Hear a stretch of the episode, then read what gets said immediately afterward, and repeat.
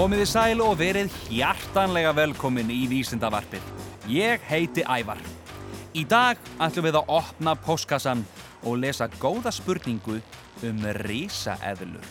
En ekki nú með það, við ætlum líka að skoða önnur dýr sem öll eiga það sameinlegt að vera í útrýmingarhættu. En hvað þýðir það eiginlega? Við skulum byrja á risaeðlunum.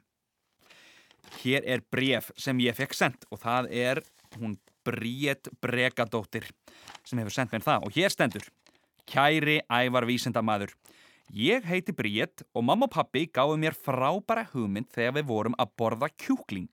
Ég og Kalli bróður minn brutum óskabeinið og ég spurði er óskabein í mönnum og mamma svaraði nei. Svo fórum við að tala um að fugglar eru afkomendur risaðila. Mín spurning er, er óskabein í flug risaðilum? Þetta er góð spurning. Og svo segir hún hérna PS, ég er búin að hlusta á öll vísindavörpin þín meira en tvísvar sinnum. Það er nokkuð gott. Takk fyrir það Bríð. Og svo sendur hún með hérna líka sem er náttúrulega skila sér ekki sérstaklega vel í útvarpi en hún teiknaði hérna rosa flotta mynd af mér og þið verður bara að trúa mér þegar ég segi ykkur að þessi mynd er einstaklega flott. En aftur á spurningunni. Eru óskabein í flugæðlum? Þetta er mjög góð spurning. Ég hef aldrei hugsað út í það. Um, til þess að svara þessari spurningu þá þurfum við samt að hýta okkur upp á uh, risaæðlu öskri. Ég geti fengið eitt risaæðlu öskur takk. Takk fyrir. Og svo risa eðlulega vísinda tónlist. Glæsilegt. Til að svara þessari spurningum þá verðum við að byrja á því að tala um risaeðlur. Hvað eru risaeðlur? Eða réttar að sagt, hvað voru risaeðlur?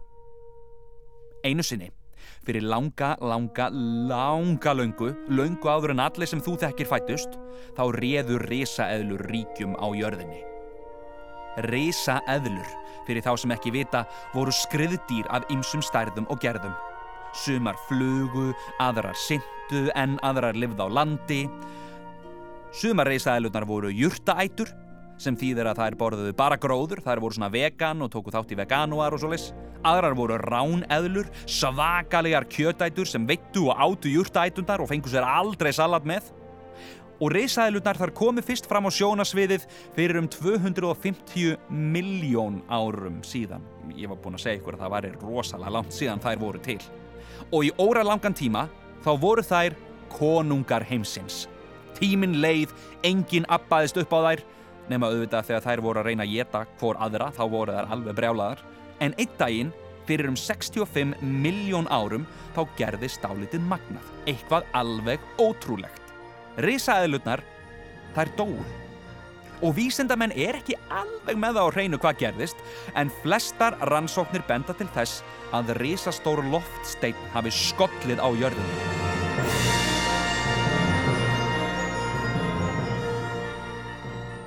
Og í kjölfarið urðu svakalegar hamfarir, jarðskjáltar og eldgós og eðlutnar sem livðu þær af, þær voru þó ekkert á grænni grein. Þegar loftsteinin lendi á jörðinni þá þyrlaða nefnilega upp ríki sem faldi sólina. Allur gróður þarf auðvita sól til að lifa og þegar hún var komin á bakvið ógnar stórt ríkskí þá drafst hann. Þegar gróðurinn dó, dóu grasæturnar og þegar grasæturnar dóu var auðvitað ekkert fyrir kjötæturnar að geta og þannig hurfu risaðilurnar af yfirborði jarðar. En Við getum þó litið á björtu hliðarnar. Ef eðlurnar hefði ekki dáið út, þá hefði öruglega ekki verið neitt pláss fyrir okkur mennina. Og í dag, þá þekkjum við risaeðlur bara sem steingerfinga.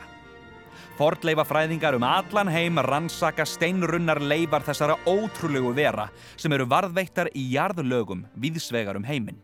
Þessir miklu risar sem áður réðu öllu eru hornir að eilífu. Þegar menn fundu fyrstu steingerfingana af risaðilum þá heldu þeir að þetta væru drekabein. Vísindamenn telja að helmingi fleiri risaðilur hafi verið jurtaætur en ráneðlur. Margir telja að fugglar séu þær núlifandi dýrategundir sem eru skildastar risaðilum. Sumir telja meira að segja að eðlutnar hafi verið með fjadrir og þetta tengist beint inn í spurninguna hennar bríetar. Gott og vel. Við erum búin að tala um risaðilur, en þá þurfum við örlítið að ræða óskir. Hvað eru. Óskir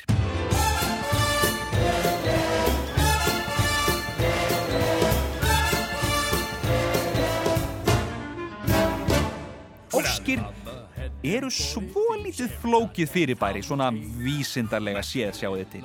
Óskir, fyrir þá sem ekki vita, er eitthvað sem við viljum alveg svakalega mikið. Sumir óska þess að eiga svakalega mikinn pening, eh, sumir vilja vera yngri, aðrir vilja vera með meira hár, aðrir óska þess að allir verði hamingjusamir og svo eru þeir sem hugsa bara um eigin rass og óska þess að fá eitthvað flottan hlut eins og til dæmis nýtt hjól eða leikjatölvu eða, eða litla grameðlu sem gæludýr. Að því sögðu, ég væri alveg til í að eiga grameðlu sem gæludýr, svo lengi sem hún væri bara pínulítil og myndi hlýða mér í einu öllu og myndi ekki naga skóna mína. Óskýr eru mismunandi og það eru aðferðirnar við að láta það rætast sömu leiðis. Sumir segja að það að óska sér virki í alvörunni. Aðrir segja að það sé argasta bull. Sumir segja að það megi ekki segja óskina upphátt. Maður verður bara að hugsa hana. Og enn aðrir segja að það sé í góðu lagi að öskrana á hlaupum út um allan bæ. Að það að skokka æbandum miðbæin auki jafnvel líkunar á því að óskin rætist vegna þess að þá heyra fleiri í þér og þá vita allir hvað þið langar í. Sumir segja að maður verða að óska sér á ammælistægin sinn á meðan aðri segja að einu sinni á sólaring sé sérstök óskastund en bara í eina sekund. Og svo er það óska beinið sem Bríett var að tala um hérna áðan. Það eru kannski einhverjir ennþá að veltaði fyrir sér hvað í óskupunum óska bein sé. Þeir sem hafa einhver tíman borðað kjúkling, alveg svona heilan kjúkling, ekki bara kjúkling að bita, vita að í þeim leynist svolítið skrítið bein sem er eins og blanda á stöfunum U og vaff og það er hægt að taka í sitt bót endan á óskabeininu, toga og sá sem endar með starri helmingin fær að óska sér. Og þá erum við loksins, loksins komin að svarinu. Við vitum hvað reysaðilur eru, við höfum rætt um óskir og síðast en ekki síst þá hef ég sagt ykkur frá óskabeininu. En voru óskabein í flugeðlum? Svarið er like já og nei. Sangkvæmt mínum rannsóknum þá hafa óskabein ekki fundist í flugeðlum en þau hafa hins vegar fundist í stengerfingum annara reysaðila eins og til dæmis grameðlunar og snareðlunar. Þetta fær mann til að velta því alveglega fyrir sér hvort að fugglar sé ekki bara komnir af reysaðilum. Bríett, þetta var frábær spurning. Takk fyrir brefið. Við vorum að tala um reysaðilurnar og við vorum að tala um það að þær dóu út. En hvað þýðir það? Hvað gerist þegar dýrategun deyr út? Og líka, hva, hvað þýðir þetta orð útrýmingarhætta? Maður heyrir það oft, eiginlega of oft, en hvað merkir það? Við maðurinn, við erum plássfreg dýrategund. Við viljum hafa nóg að býta og brenna, við viljum geta kyrt í vinnuna eða skólan og mótnana og við erum ekkit endilega alltaf að velta því fyrir okkur hvað verður um ruslið okkar. Við gleymum því stundum að hér á jörðinni búa fleiri heldur en bara við. Allt í kringum okkur og út um allan heim eru dýrategundir sem nærvera okkar hefur áhrif á. Þegar fá dýr eru eftir af sömu tegundinni er talað um að dýrin séu í útrymmingarhættu. Það eru þrjú flokkunarstig þegar kemur að því að meta hvort að dýr sé í útrymmingarhættu. Númer eitt, dýr í mikill í útrymmingarhættu. Þá eru helmings líkur á því að dýr sem lenda í þessum flokki verði horfin úr viltri nátturu eftir tíu ár eða þrjár kynnslóðir. Númið tvö, dýr í útrýmingarhættu. Það eru 20% líkur á því að dýr sem lenda í þessum flokki degi út á næstu 20 árum. Sérfræðingar metaða svo að dýr í þessum flokki séu ekki í bráður í útrýmingarhættu en munið öllum líkindum hverfa ef ekkert er aðgert. Og að lokum þriðji flokkurinn, dýr í hættu. Dýr í þessum flokki eru ekki bráðurri hættu á allra næstu áratugum en sérfræðingar telja þó að 10% líkur sé á því að dýrin degi út á næstu 100 árum. Það er samt auðvitað ekkert sangjant að segja að við mannfólkið berum ábyrð á öllum þeim dýrum sem degja út því það geta verið margar ástæður fyrir útdauða dýrategunda. Þó má ætla að svo útrymmingar alda sem við upplifum nú um stundir megi rekja beint eða óbeint til aðtapna mannsins. Tryggvi Adalbjörnsson, fréttamaður hjá RÚF og hafa mér þess að einu sinni með mér í skóla fyrir Norðan og Akureyri, skrifaði alveg hringt frábæra grein um útrýmingarhættu á RÚF.is og ég fekk sérstætt leifi hjá honum til að lesa fyrir ykkur smá úr þeirri grein. Tónlist, takk. Antoni Barnoski, forn líffræðingur við Kaliforníu háskóla, spáir því að eftir um 300 ár verði 75% allara spendýrategunda hornar. Það er að segja ef þar halda áfram að deyja út á sama hraða og núna. Og ef allar tegundir sem nú er á válista verða útdauðar eftir 100 ár. Þessu valdi aukin ágangur mannsins á kjörlendi lífvera. Framkvæmdir sem skera í sundur náttúruleg heimkynni þeirra, veiðar, loftslagsbreytingar, mengun og útbreðsla sjúkdóma og nýra tegunda utan sinna náttúrulegu heimkynna. Barnoski áallar að tegundir deginu út þúsund sinnum hraðar en ef allt væri eðlilegt. Náttúruvendarsinnar óttast að alltaf 30% allra tegunda getur dáið út á næstu 40 árum. Við dauða reysaðilana var til rými fyrir margbreytilega þróun spendýra. Nú er hins vegar farið að halla undan fæti fyrir þennan flokk dýra sem telur meðal annars stæstu dýr jarðar. Í dag finnast hátt í 5500 tegundir spendýra á jörðinni og rúmlega 20% þeirra eða meirinn 1100 tegundir eru á válista. Þar af teljast 447 beinlinis í útrýmingarhættu og 191 tegund í bráðurri útrýmingarhættu. Fá landspendir lifa vilt á Íslandi og ekkert þeirra er á válista í dag. En öðru máli gildir um ýmsar kvalategundir í hafinu umhverfis Ísland, svo og fjölmörg önnur spendir á láði og leigi um allan heim. Meðal þeirra eru nánustu ættingjar mannsins af ætt mann-apa og fjöldi annar spendira sem hafa lengi verið nokkus konar táknmyndir fjölbreyts lífríkis á jörðinni. Þetta er algjörlega hræðilegt. En nú erum við búin að heyra margar tölur, en hvað dýr er þetta eiginlega sem verið er að tala um? Jú, við skulum skoða þess. Afríkufýllin. Afríkufýllin er í útrýmingahættu. Þetta stærsta landdýr jarðar finnst nú í 37 löndum í Afríku, sunnan Sahara-íðimerkurinnar. Útbreiðslusvæði hans verður sífælt brota kendara, þótt enn séu til við fem samfeld landsvæði þar sem hann heldur sig. Ástand tegundarinnar er afar misjamt eftir löndum. Þótt fílnum kunna fara fækandi sumstaðar í álfunni þá fjölgar í stærstu stopnánum í austur og söður hluta álfunar. Þar eru tveir þriðju hlutar allra Afríkufíla og því fer fílum í raun fjölgandi. En samt telst tegundin í yfirvofandi hættu. Veiði þjófar hafa lengi sóst eftir fílabeini og kjöti af fílum. Ólöglegar fílaveðar hafa jafnan verið helsta ástæðan fyrir hnygnun tegundarinnar en þótt veiði þjófnaður hafi enn all nokkur áhrif á tilteknum svæðum, sérstaklega í miða Afríku, vegur út þensla mannabyggða og aukin landnýting nú þingra. Gott og vel.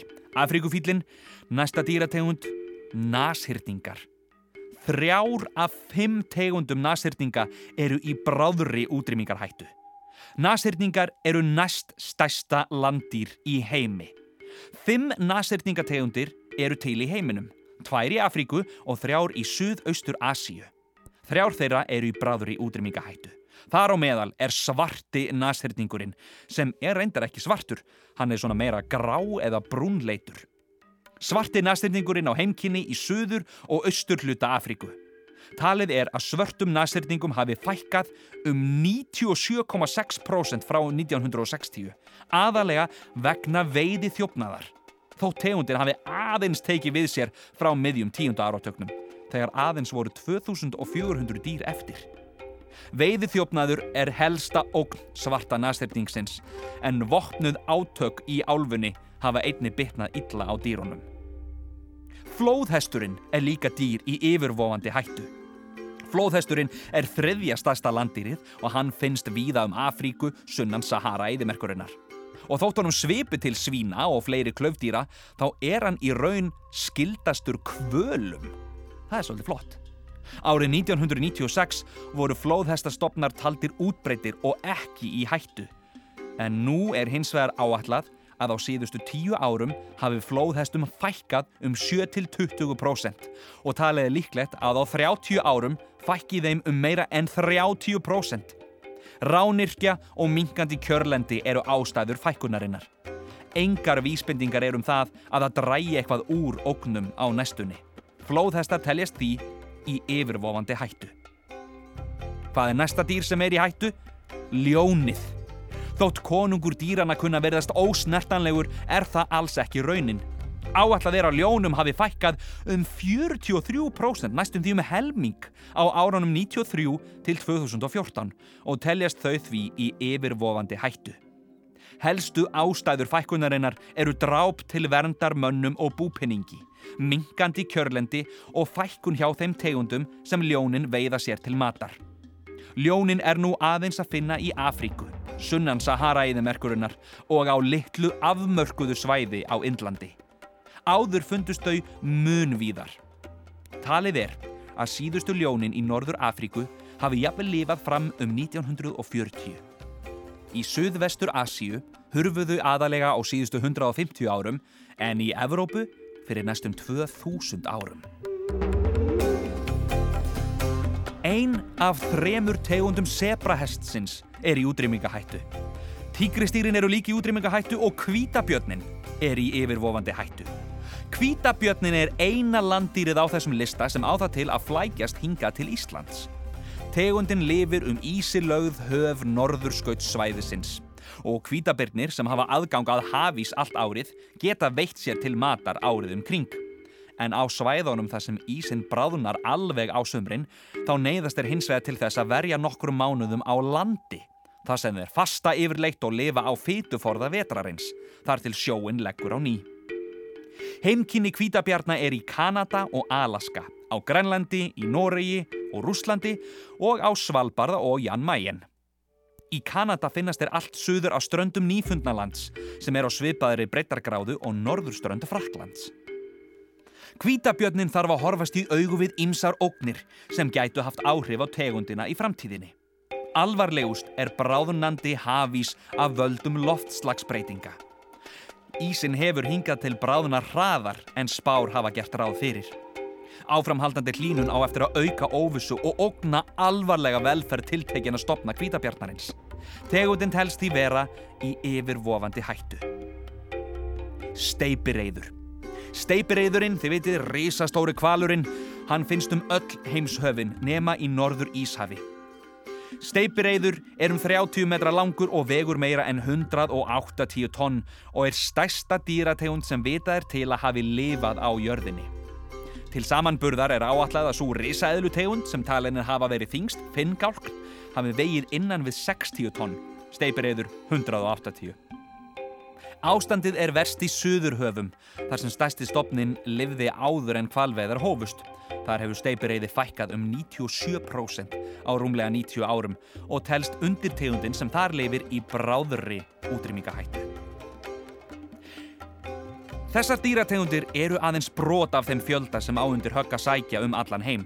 Til dæmis eru jaguar og hleparði í nokkuru hættu og þótt gírafar telist ekki hættu eru vísbendingar um að þeim hafi fækkað og talið að sumir gírafastofnar í norður hluta Afríku geti verið í hættu. Í langri sögu lífs á jörðinni hafa nýjar tegundir jafnan þróast og komið í staðinn fyrir þær sem deyja út. Útrýming lífvera af mannavöldum er hins vegar svo hröð að þróunin heldur ekki í við hana. Hröð hnignun í fjölbreytileika lífs á jörðinni gæti orði einkenni okkar tíma og heimurinn sem komandi kynnslóðir, þið búið í, getur orði mun fábreyttari fyrir vikið. Hraður uppgangur mannsins gæti því orði einar mestu hörmungar á plánendunni í 20 miljónu ára. Þá eru ótaldar, ómældar þjáningar hvers og einn stýrs sem verður fyrir barðinu á eigðileggingunni.